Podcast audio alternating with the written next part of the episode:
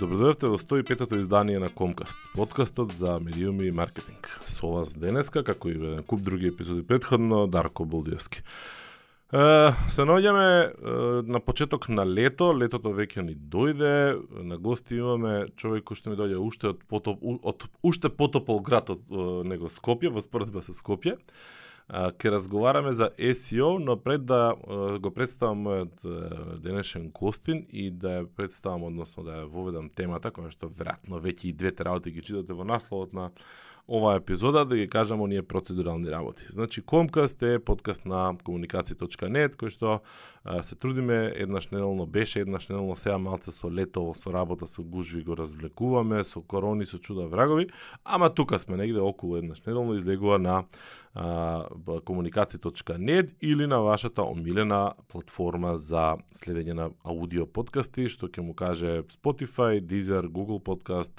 iTunes, или таму како ќе да Apple Podcast и uh, Anchor. Дизер не знам дали го кажав, го кажав. Еве и на Дизер не има. Или ако веќе толку многу сакате да не гледате, е, тогаш може да не гледате на YouTube е, Comcast. Конечно, пред некој ден сватив дека кога ќе укуца човек Comcast на кирилица, ќе ги извади епизодите, затоа што долго време Google не мешаше со Comcast, американскиот, нели тој ТВ, што и да е бродкастинг канал, и никако немаше шанси, дури ја најавен регистриран како админ на на, на YouTube и се, не ми даваше епизоди од Комкаст, пред некој ден сакав да го демонстрирам тоа и коза белја нормално, нели? Се смени. Е, ова да речеме може да биде совршен вовед во а, темата денеска. Зборуваме за SEO или SEO или Search Engine Optimization или оптимизација за пребарувачи. И мој денешен гостин, односно соговорник е Бранко Илишев, а, еден од основачите, односно коосновач на SmartClick.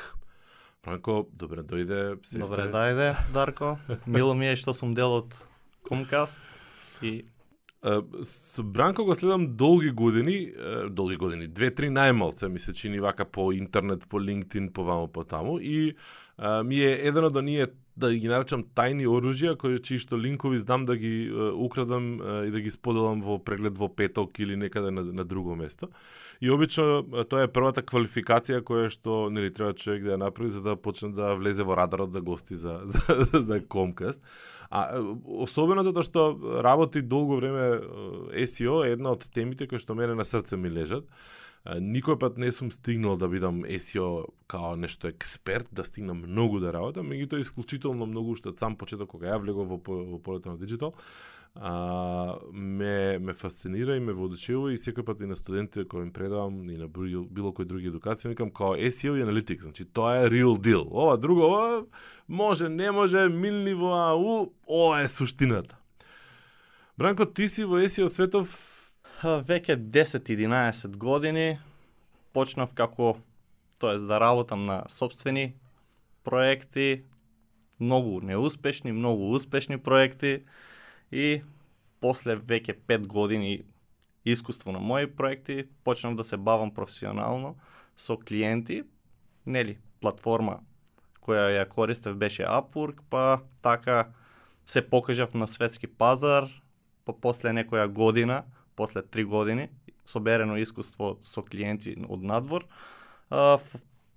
одлучив да формирам компанија со Милан, и така да ги споиме нашите две експертизи, кои он е веб девелопер, а јас како SEO, и да понудиме нешто сосема различно од обична SEO агенција, тоест оптимизиран вебсайт за за клиенти. Имам две прашања тука што ми се отварат. Прво, твои проекти, тие ги почна за да научиш SEO, ги почна па свати дека постои SEO и дека ти треба и дека ти е важно или како да до таа Па искрено, интересна е приказната. Требаше да одам за Америка преку студент, како студент и со цимерот почнавме, тоест тој почна нешто да работи, прочитал нешто и вика гради линкови на твои веб страни ово оно, знаеш, ќе ранкираш на Google и се беше те, значи, уште не ни беше познат зборот SEO.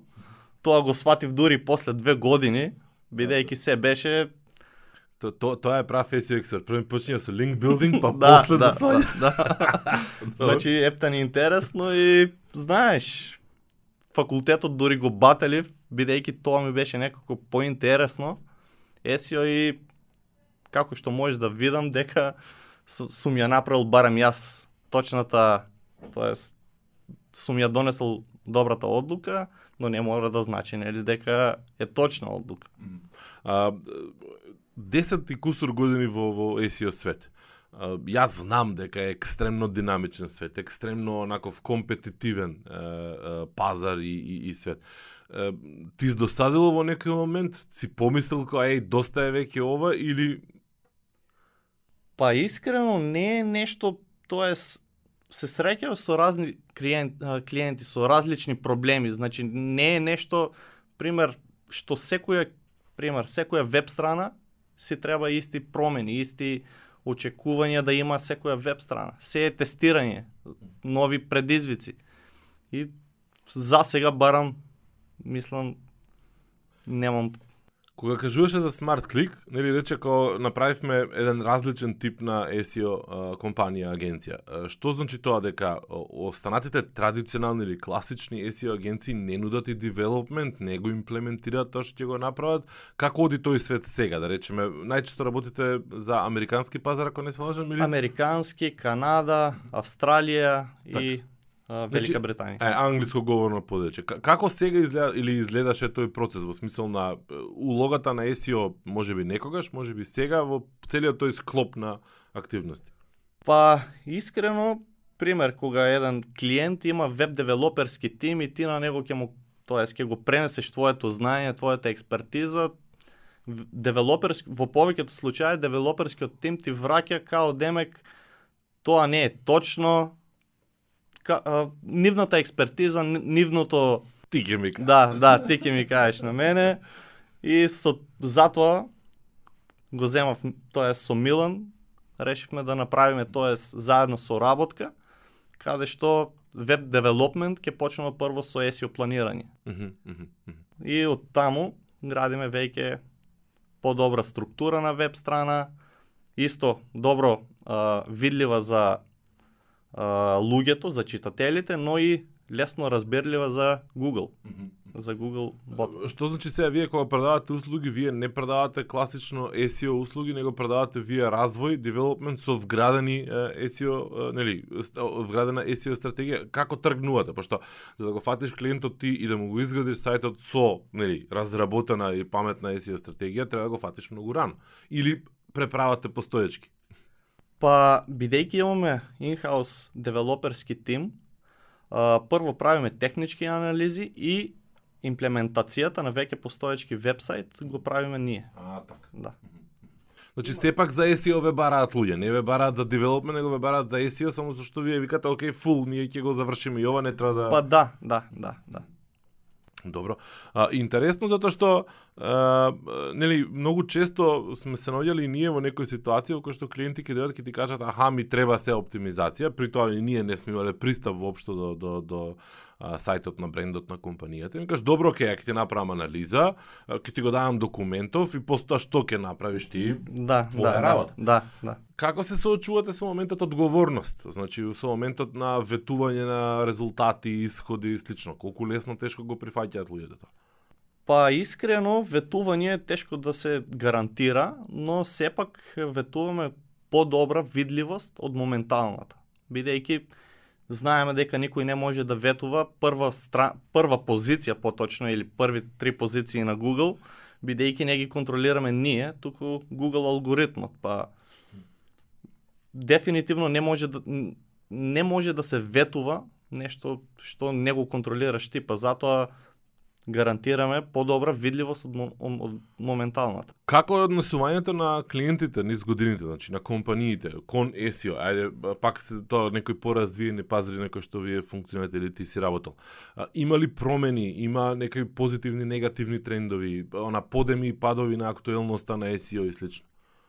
Па заинтересираноста расте, но имаше пример пред две години голем пат. Луѓето, тоест луѓето кои инвестирале веќе во SEO, веќе биле на некој начин казнете од страна на Google, па истите веќе нема доверба во SEO компанија.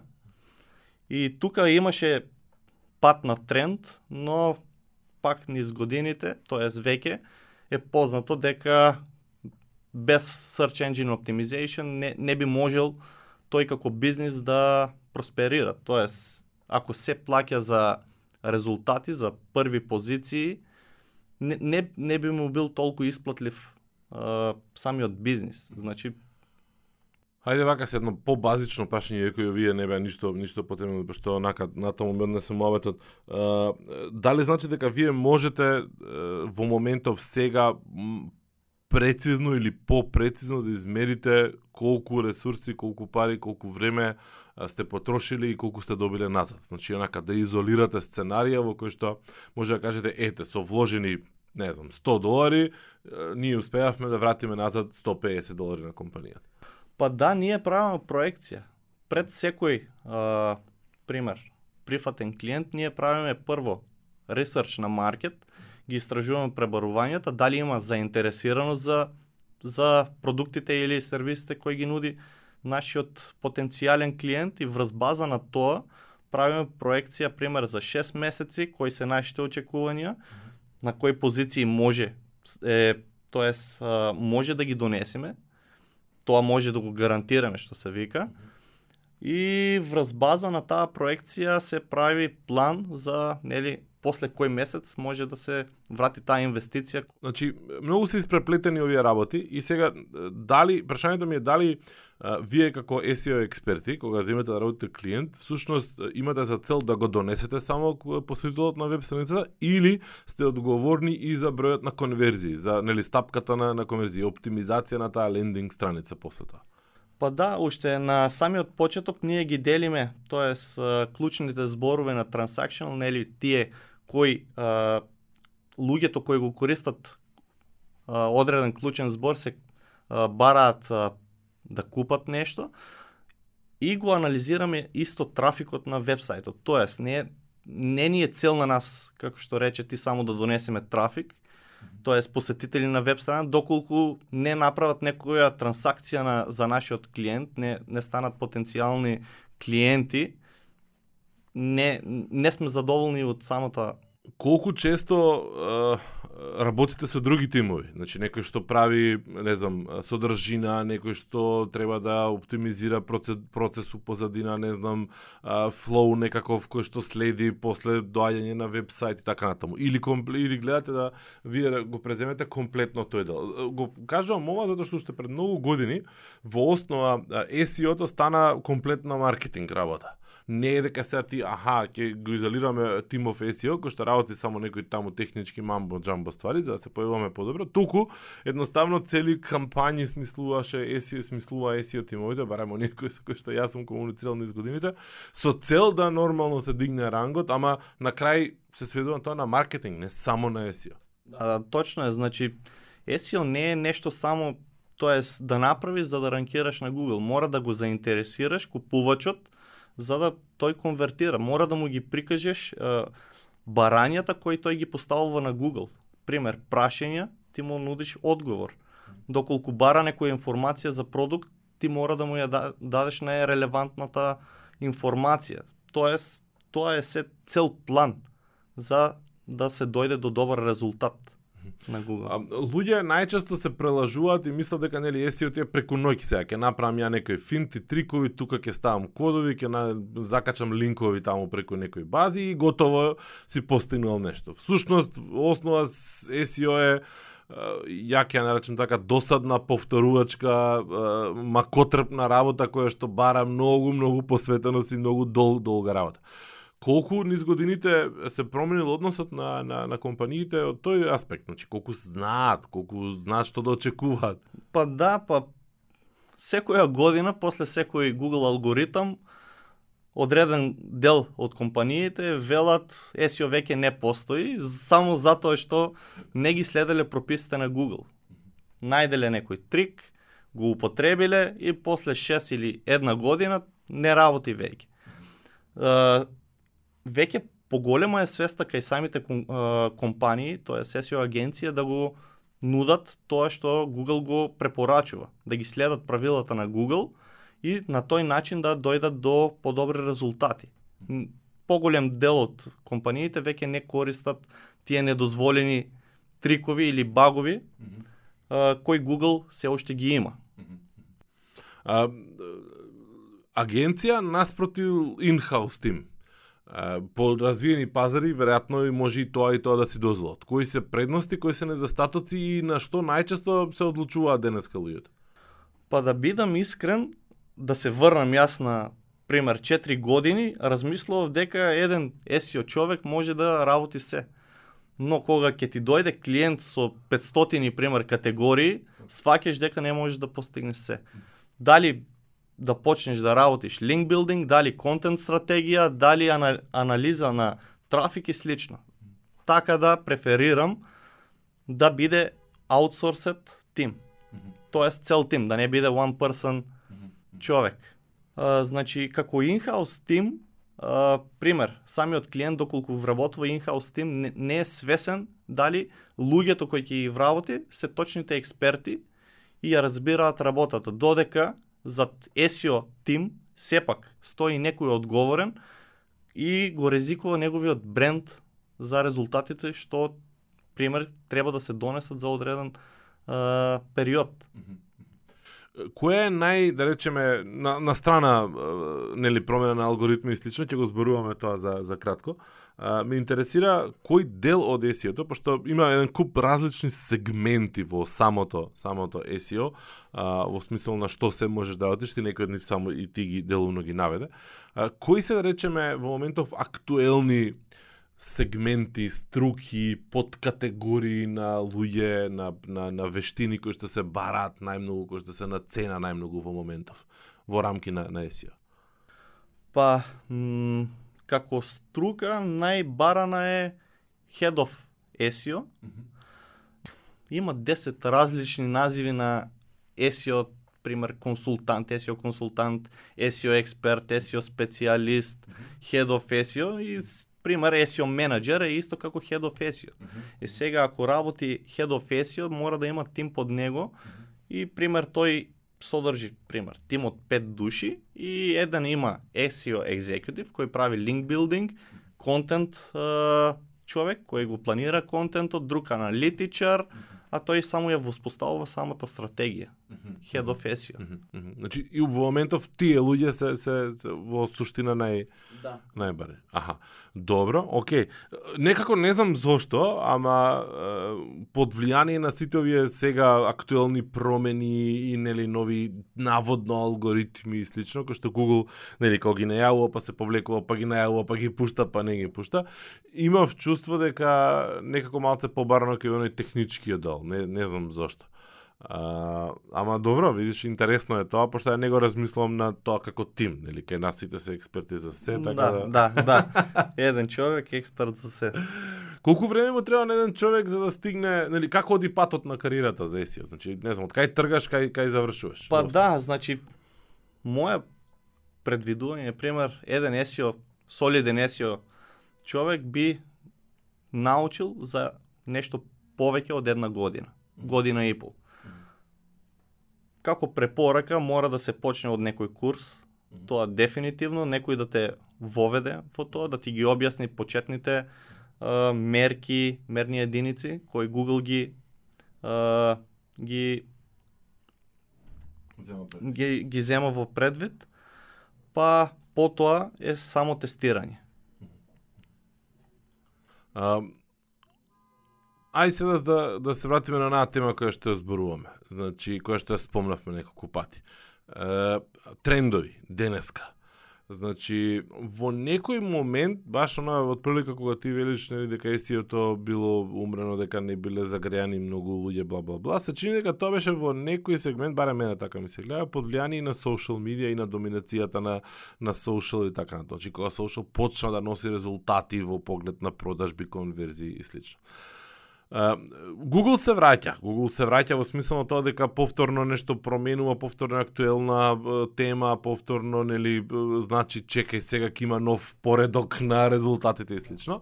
Оваа година особено во неколку наврати нели као пушти, закачи, пушти, закачи беше приказката. Core Web Vitals, така се викаш? Ник, никој пат не сум сигурен дали ќе го погледам редоследот на, на збороите. Значи, ако до пред година дена на сите им зборувавме брзината на вебсајтот, брзината на вебсајтот, сега тоа има многу ново фенси име, се вика Да. Core Web Vitals. Тоа е едно нешто што е најактуелно и ништо друго не е битно оваа година, или? Па, сите се фокусираат на тоа, искрено тоа е само, тоа е ќе стане еден ранкинг фактор меѓу илјадници други. Google само го најави Core Web Vitals и дека тоа ќе стане ранкинг фактор и сите, тоа сите што работат SEO а, дигнаа фама околу тоа и занему, а, ги занема, зана, занемаруват сите останати а, ранк, ос- останати ранкинг фактори. Пример, а, оптимизиран контент, технички спремна веб страна, мобайл респонсив вебсайт и сите останати фактори. И мислат дека ако ги оптимизираат Core Web Vitals, ќе добијат некој голем а, резултат, ќе ќе ќе добијат ептен зголемен трафик само врз основа на поправени Core Web Vitals. Што се вклучува тој Core Web Vitals во себе? Relative layout shift, first input delete, fit TLS, L, layout shift interaction и fit беше first input delete. Добро, се што успеав ја да сватам дека Google сега им дава фенси шменси имиња на своите Да, работи. да, да. Уствари, веројатно сака да си ги да си спакува уште една тајна која Да. што нема може така лесно да му ја да му ја менуваат, да, Да, му ја да. пробијат односно. А, ајде вака, значи ми изнакажа еден куп краденки, се обидам да следам и ќе се обидам вака од околу да се обидам да, да, да, да кажам интерпретација. Во основа тоа значи дека брзината на вчитување, брзината на првата содржина што се што се вчитува, брзината на а, интеракција, значи од кој ќе отвориш страницата, корисникот колку време треба за да стапи во интеракција со Да, со веб да. страницата и уште нешто пропуштам веројатно, ама не знам што. Имаше уште едно што го кажа. значи ќе се трнеме на страна од овие технички мамбо джамбо имиња фенси кои што сака Google да ги наметне, за тек на, со тек на време ќе му ги откријат сите детали така да ќе ни станат ќе ни станат јасни. Оно што сакам следно да те прашам е како се соочувате со предизвикот да тим во Струмица, кој што број 5-6 луѓе сега, веројатно има потреба и ќе има потреба да расте, пошто дискутиравме дека е дека расте поборувачката за за овој тип на услуги. Е, кој е да речеме пристапот, филозофијата внатре во вашата компанија за регрутирање на нови луѓе и за едукација на, на нови луѓе во теме? А, значи битно ни е а, човекот кој ќе биде дел од тимот да биде заинтересиран за SEO, да да гради SEO кариера во нашиот тим, да да биде а, тоест да сака да научи, да да краде што се векат а, труд, Што значи да биде заинтересиран за SEO? Значи, тоа значи да да има предходно некакво искуство или едноставно да да го привлекува таа тема? Што ако не знае што е SEO? Па да, се среќаваме со пример со чести апликации, но луѓето сакаат да научат нешто повеќе за SEO, сакаат да почнат кариера за SEO и ние го нудиме тоа. Па да да учат од поискусни како мене, како некој од тимот кој веќе е специализиран за одредена област, пример link building, content strat, strategist или uh, SEO strategist, да ја воспоставува стратегијата на Која е твојата специјалност да видиш што ги набрави? Па, технички. Технички? Да, да, Аха. technical SEO. Ти си и по струка техничка наука или не? Мислам, Па по струка, да, техничка Да. наука. Добро. а, има ли е, конфронтација помеѓу тие различни тимови, контент, техникал, линк билдинг, значи тука постои ли некаков таков некое ривалство, некое препукување? Ја не сум за начекал, баш ми Па интересира. нема некое препокување, туку еден без друг тим не може да работат. Тоа стратегијата се носи врз база на сите истражувања што ќе ги најдеме и се дефинира, пример, и технички се припрема веб страна врз предходно направени, направени анализи.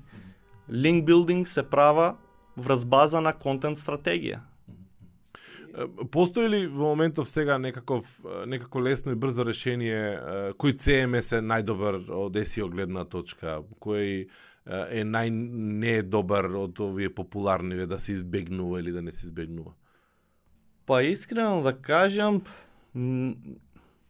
не сме виделе некоја разлика од CMS доколку е добро искодиран. Доколку, пример, еден CMS како WordPress не користи многу плагини, само за да, да изгледа убаво веб страната. Мгм.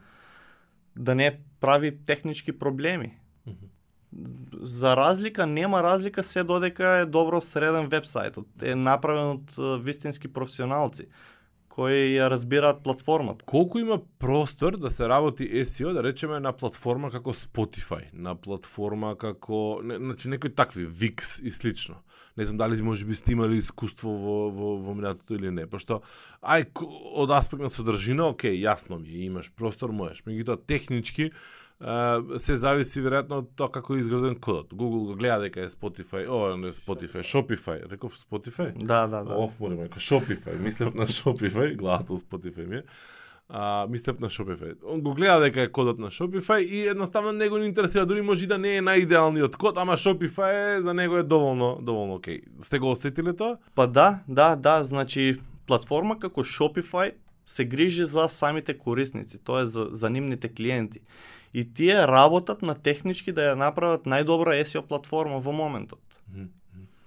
А, така да мислам дека моментално како e-commerce е број 1, иако многу кои го работат SEO ќе ќе ми се спротивстават на тоа, но сепак јас а, дефинитивно нели како платформа би ја препорачал Shopify а, наместо Magento. Magento е сосема друга приказна како e-commerce вебсайт и многу потешко за оптимизација за разлика од Мгм.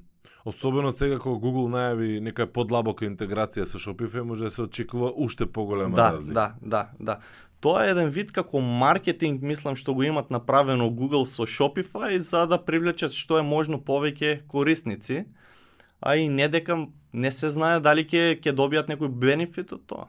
Добро, Google никој пат нема да каже е, правите продавници вие на Shopify, јас ќе ги рангирам вашите производи подобро, ама може да каже ќе вове- ќе дадам опција да се воведе во мојот шопинг дел, Google шопинг делот многу полесно интеграција и слично е, е, со нели со Shopify Да, во да. споредба со некој друг. Така да ако он ти понуди со едно копче интеграција у тие некои 150.000 нивни нивни ресурсни места, Да, јасно е колку е саат. Да. Добро, кој да речеме денеска е, најзагрејан за SEO? Кои индустрии, кои компании, кој тип на компании се најзагрејани? Кои воопшто онака им спласнало, им поминало?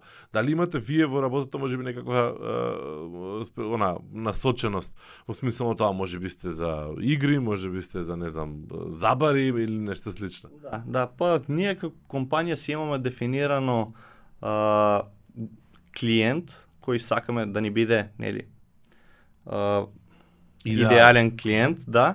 Тие се SaaS компании за нас, но најзагреани се e-commerce websites. Мгм, мгм. Кај нив а, дефинитивно им најмногу најбрзо би можеле да очекуваат резултати, но нема веб страна, тоест нема индустрија која не треба да биде загреена за за SEO. А, за разлика од e-commerce, кај SaaS компаниите на софтвер за сервис компаниите, веројатно тука содржината и богатство на она буквално пренатрупана содржина е еден од клучните фактори, пошто ја не сум приметил многу e-commerce сајтови да се борат да добијат таков тип на трафик за разлика од софтвер за сервис компаниите. А, постои ли тимови, постојат ли тимови агенции кои што се специализирани само за еден или само за друг тип на на на оптимизација? Да, да, да. Постојат и тоа многу агенции од Македонија се специализирани само за e-commerce вебсайт и тоа одреден, пример, тип на платформа. Мгм, мгм. И тие преферираат и работат само со e-commerce. Знам за еден тим за Магенто што работи повеќе, ама не знам за други. Па да, има, има Нето и Мгм. тоа доста обемна компанија Мгм, со доста добри резултати кои ги постигнуваат. и може да кажем дека дефинитивно се едни од подобрите во светот за e-commerce сесио. Аха, одлично. Треба да ги најдам кои се што се да ме поврзеш. А, и то ми го отвора прашањето, постои ли критична маса во Македонија која што работи SEO со која што можеш е, да размениш искуства нормално има глобален пазар кај што можеш да размениш искуства и се. Меѓутоа ете поддршка да проњење на луѓе инвестиција во едукација на на, на пазара. Значи колку соработувате колку се разменувате да речеме? Па да, има група на луѓе кои стриктно се бават SEO и го гледаат Есио како живот, што се вели, велат, што заработуваат само од Есио. Често споделуваме, правиме брейнсторминг, се надоградуваме, споделуваме искуства и затоа мислам дека сите со споделување на разни искуства сите растеме со тоа. Го зголемуваме нашето знаење околу Есио. А, се договоривме на почеток дека ќе рачнеме една тема која што е така маце непопуларна, односно не не е баш толку многу нели розева за зборување, тоа е SEO и локалниот пазар. Значи Македонија. А, накратко, јас си го кажав мојот став, тоа дека е претерано лесно да денеска да бидеш нели на висока позиција за огромен број на пребарувања во, во Македонија меѓутоа немаат ни преголем интерес компаниите, освен во, да речем, изолирани ситуации, затоа што бројот на пребарувања генерално е мал, во смисол на вкупниот обем на, на трансакции и слично, или ние не го гледаме?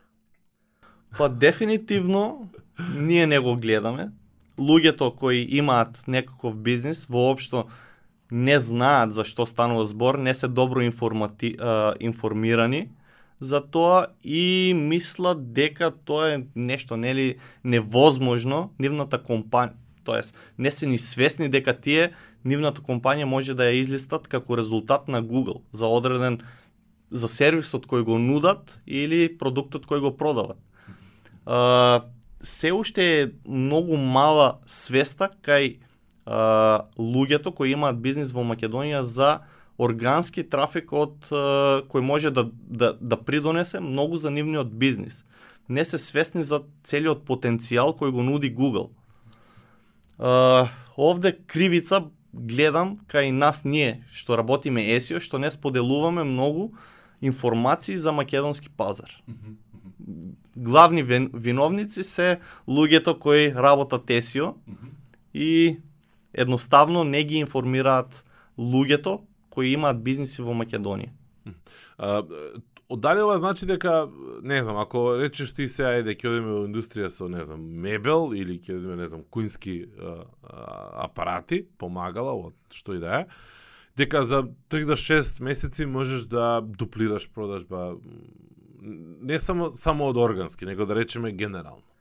Па да, дефинитивно дека може да се дуплира, може и побрзо бидејќи многу мал дел од компаниите работат на SEO, а, бидејќи луѓето кои го пребаруваат продуктот ќе влезат на пример 10 резултати, ќе ја најдат најдобрата цена и ќе одат од таа, доколку не е e-commerce вебсайт, ќе одат од таа локација или Правевме некакви е, мини истражувања за еден сегмент е, на пазаров и свативме дека бројот на преберување е сериозно голем, меѓутоа а, да речеме со некои 60-70 илјади пребарувања месечно а, за одредена а, индустрија, нема да ја спомнам која е намерно, а, ама тој обем на пребарување се повторува пута 4. Значи, ше, пе, од помеѓу 40-70 илјади месечно, пута 4 за секој од топ 4 компании и брендови посебно. Значи, никој не ја бара категоријата, туку го бара брендот. Имаш тие таблирани брендови на пазар и луѓето под предпоставка дека нема да најдат ништо конкретно, аха, сега идам, не знам, у Тинекс, идам у Веро, идам у Рамстор и нели, ја не гледам сега не пребарувам зејтин, него пребарувам Тинекс и идам на Тинекс и си купувам од Тинекс зејтин свативме дека нема толку многу long tail преберувања, нема толку многу нели конкретни пребарувања, туку има многу повеќе бренд преберувања. Дури и кога бараш производ, и го бараш заедно со брендот. Јасно ми е дека најголем дел од тие 40, 50, 70 илјади преберувања всушност е затоа што те мрзи да укуцаш у браузер горе директно у URL-то, па го куцаш нели, не знам, бренд празно место ком празно место МК, затоа што никој пат не се сеќаш како било, па те отварало, не отварало, па си викаш чекај, нели, така е, така е нормално, ќе си пребрам ја и ќе се кликнам и, и така натаму. Ама, сепак мислам дека тука треба да се направи филтрирање позадина да се види колку се де факто вистински пребарувања, што направил корисникот, што не направил, бла, така натаму. Да се изгубив ја, нема прашање. Е, има пребарувања, не се пребарувања кои што може јасно ти кажат што бараат луѓето. Па да, премногу општи прашања поставува. Пример, ќе ќе земам некоја индустрија, пример, еве, за а, маса. Mm -hmm. Луѓето пишаат маса онлайн, пример. Mm -hmm. И бидејќи има толку многу неоптимизирани веб страни, може да се појави некоја страна, пример, што нуди а, некој друг продукт, што е сосема различен Так. од а, продуктот кој го бара самиот а, купувач. Имаме ние пристап, сам пристап, следиме некое време веќе е, автогуми. И значи имаш гуми, пребарување, само гуми, и као, да, да, ќе излезе тоа што да излезе. Имаш као автогуми, и имаш евентуално еден бренд, само се појавува онака као доминантно е, као пребарување, Сава. И тука завршува приказката. Значи, многу, многу ретко имаш ти модел, многу ретко имаш ти, ме сеќаш, и нормално имаш брендови. Не знам сега кои се таму што продаваат гуми, автогума или како да се викаат брендовите, не е битно, тех, не, техно, не, не, знае, е важно. И имаш пребарување на, на, на, на брендови. Значи, е, многу ми беше интересно затоа што освен ти викам Сава и тоа не со модел, него као бренд, друго ништо не испливува нагоре. Значи луѓе се пишат гуми и тука завршува приказката. И сега ти треба да се оптимизираш на гуми. Значи, ни, ништо по-конкретно од тоа. Како може тоа да се промени? Че како да речеме може да се очекува кога и под кое влијание да се очекува корисниците да почнат да пребаруваат нешто по-конкретно? Кога ќе се појават повеќе конкуренција, па борба за резултат, па нема да го најде релевантното или Па искрено тоа е човечки фактор. Луѓето размислуваат многу генерално и бараат информација, пример за гуми и кога ќе влезат на на самата веб страна, таму да си го категоризираат нивното барање. Дали тере Сава гуми, дали тере некоја друга некој друг бренд на на гума. Значи тоа е само за мислам Македонија како држава, како нели малку покасно кај нас иде трендот, но мислам дека во следните 5 до 10 години голем број од луѓето ќе почнат да го категоризираат својот своето пребарување, својата потреба на Google. Баш би сакал да се појавите за, не знам, година, две, вие или било кој од другите SEO експерти во, во Македонија кои што работат за надвор и многу добро го познаваат овој сектор и да кажат еве показна за показна вежба го земавме овој шоп или овој сајт, го средивме и сега што и да пребараш као доминира ненормално многу, дуплирал продажба, зголемил задоволство, искуство и така натаму. Затоа што од своје искуство знам дека многу малку е потребно за да се направи разлика. И тоа е, сериозна разлика. А тек можам да замислам кога некој човек што 10-15 години работи за, за глобален развивен пазар, кој ќе седне да, на кратко да спреми добра стратегија, таква разлика може да може да направи. Кој е твојот личен или предизвикот на SmartLink за следнава година што ја гледаме пред нас? Значи од аспект на работа, од аспект на постигнување, од аспект на клиенти или што и да е. Па нормално како секоја агенција наша цел е да растеме, како на, растеме ние, така да растат нашите членови во тимот. А, сакаме да да бидеме експонирани на на високо ниво во SaaS индустријата, сакаме, тоест цел ни е а се движиме на, на права патека да станеме број 1 во светот за SaaS бизниси. SEO за SaaS бизнис. кај сте сега? Вака грубо кажам. Па, грубо кажано, топ 10, топ 100, топ 1000. па, на глобално ниво, мислам дека веќе сме позициони, позиционирани по квалитет на меѓу топ 100. Супер посакувам среќа и јас предпоставувам и се надевав некако потrebno дека ќе имаме малце поконкретни прашања, некои tips and tricks дека ќе се откријат. Ама е, секој пат постои друга шанса. Значи, ја ги следам твоите објави редовно и гледам онака колку длабоко навлегуваш у темите и какви дискусии отвараш и баш уживам. Ама кога ќе тргне да зборуваме за локална публика, секој пат онака еден чекор на назад правам и чеке се општо ќе правиме мојот, пошто сваќаме дека луѓето него, значи ако почнеш ти ептен техникали да им навлегуваш, имаш публика од 5. Вака ние имаме публика од 50 или дај Боже 500. Ти благодарам уште еднаш за гостувањето. А, и до некоја следна прилика, биде ми поздравен. Мило ми беше. А вие, драги слушатели и гледачи, што и да сте, ако ви се допадна овој муавет, се надевам дека ќе се охрабрите и ќе поставите некое прашање и ќе го обврземе Бранко да биде конкретен во своите пишани одговори, каде да го начекате а, овој комкаст, така да пукате оно што ве, што, ве, што ви тежи, оно што сакате да го кажете или можеби сакате да се опробате во, во есио светот. А, Ви благодарам многу за вниманието, а ако го гледате ова на YouTube, ме молам кликнете лайк, шер, subscribe, тоа како му доаѓа редоследно, редоследно. Ако не слушате на некоја од другите аудио платформи, нормално стиснете follow, subscribe или како и да се вика тоа копче. Поздрав од мене, до следната прилика. Чао!